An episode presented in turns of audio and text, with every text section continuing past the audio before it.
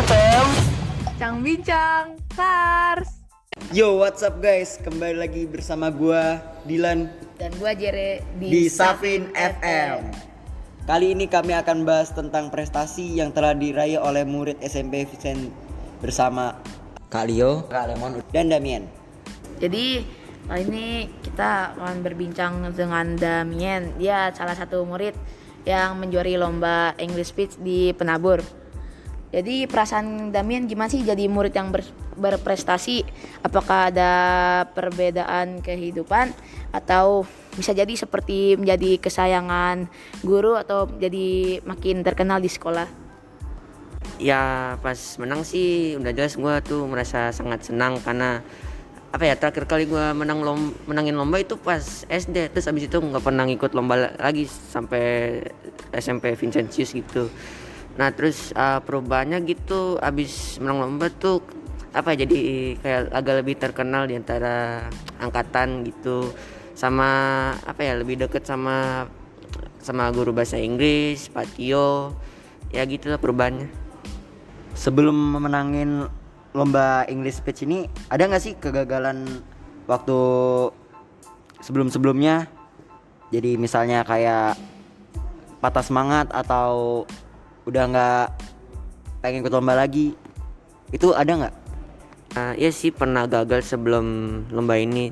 Jadi tuh pas SD uh, gue sempet ikut lomba spelling bee sama pernah ikut lomba cerdas cermat IPA kalau nggak salah. Tapi itu yang cerdas cermat IPA dipaksa. Uh, terus itu dua-duanya kalah sama habis uh, terus habis itu uh, apa ya nggak pengen ikut lomba lagi sampai sekarang gitu. Alasannya nggak mau ikut lomba lagi, kenapa? ya sebenarnya sih udah apa ya udah males ngikut lomba sama takut gagal lagi. Sama selain itu sih apa ya nggak ada lomba yang menarik buat diikuti gitu. Damen pernah ngerasa nggak sih belajar kamu tuh keganggu karena adanya lomba ini itu? Kan lomba itu juga memakan banyak waktu. Uh, iya pernah. Itu pas ikut lomba English speech itu dikasih waktu uh, preparasinya cuman kayak sekitar tiga hari gitu. Jadi pas ada PR itu nggak sempat dikerjain soalnya lagi mau bikin skrip sama latihan gitu pas pas mau nyiapin lombanya. Selama tiga hari itu Damien ada nggak sih pernah dimarahin guru karena ketugasnya ketumpuk dan nggak sempat ngerjain? Apa ya uh, syukurnya sih enggak sih.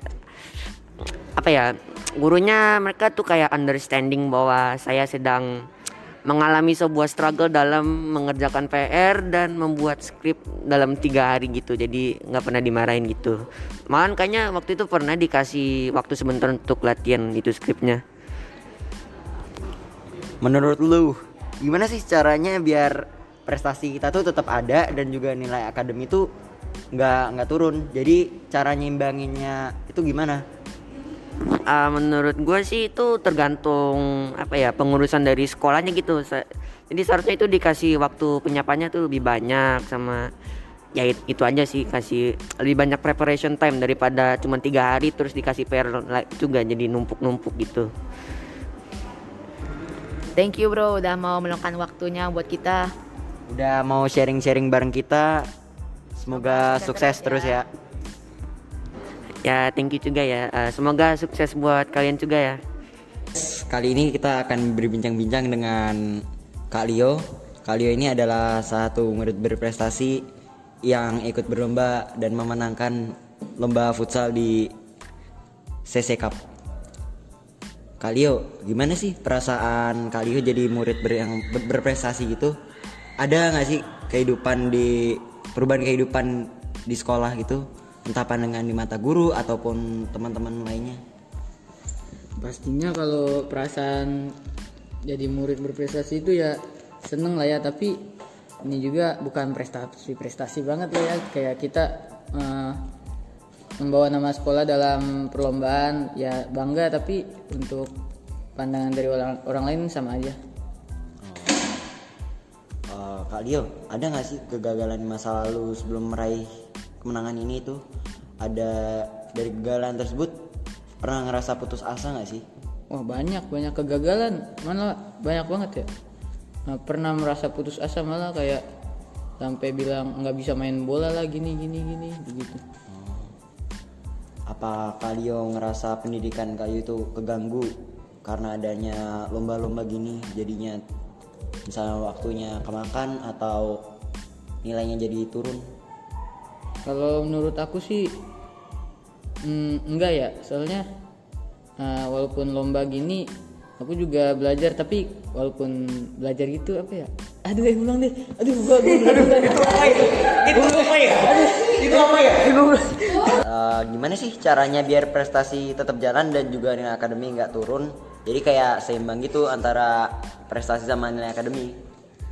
ya caranya itu kalian harus bisa membagi waktu dengan baik. Terus kalian juga jangan mem- terlalu mementingkan prestasi kalian sampai lupa dengan akademis. Ya gue sih juga sampai lupa dengan akademis. Hampir ya. Juga gue lagi berusaha buat tekun belajar. Oke, sekarang kita akan berbincang-bincang bersama Lemon, salah satu kapten tim basket VCT. Eh, menurut Lemon gimana sih perasaannya jadi murid yang ber- berprestasi? Apakah ada beda pandangan di mata guru ataupun teman-temannya? Seperti merasa terkenal atau gimana itu? Oh, yang pertama merasa senang sih, wah bisa mem- membanggakan nama sekolah, mengharumkan nama sekolah di sekolah lain gitu. Terus ya untuk pandangan kayak enggak sih tetap sama dari pandangan dari guru terus dan ya mungkin lebih terkenal aja gitu. Oh ya, kedua tuh ada nggak sih pernah mengalami kegagalan di dulu apa lomba-lomba dulu? Sering. Dari kegagalan tersebut pernah putus asa nggak atau udah nyerah? Pernah sempat ingin putus asa tapi tidak jadi. Selama lomba-lomba yang pernah dijalani ada nggak sih kalau belajar tuh ngerasa terganggu atau makin bebannya berat? Enggak sih, enggak. Gimana cara biar belajar kamu tuh tetap jalan dan juga nilai akademinya juga makin naik juga?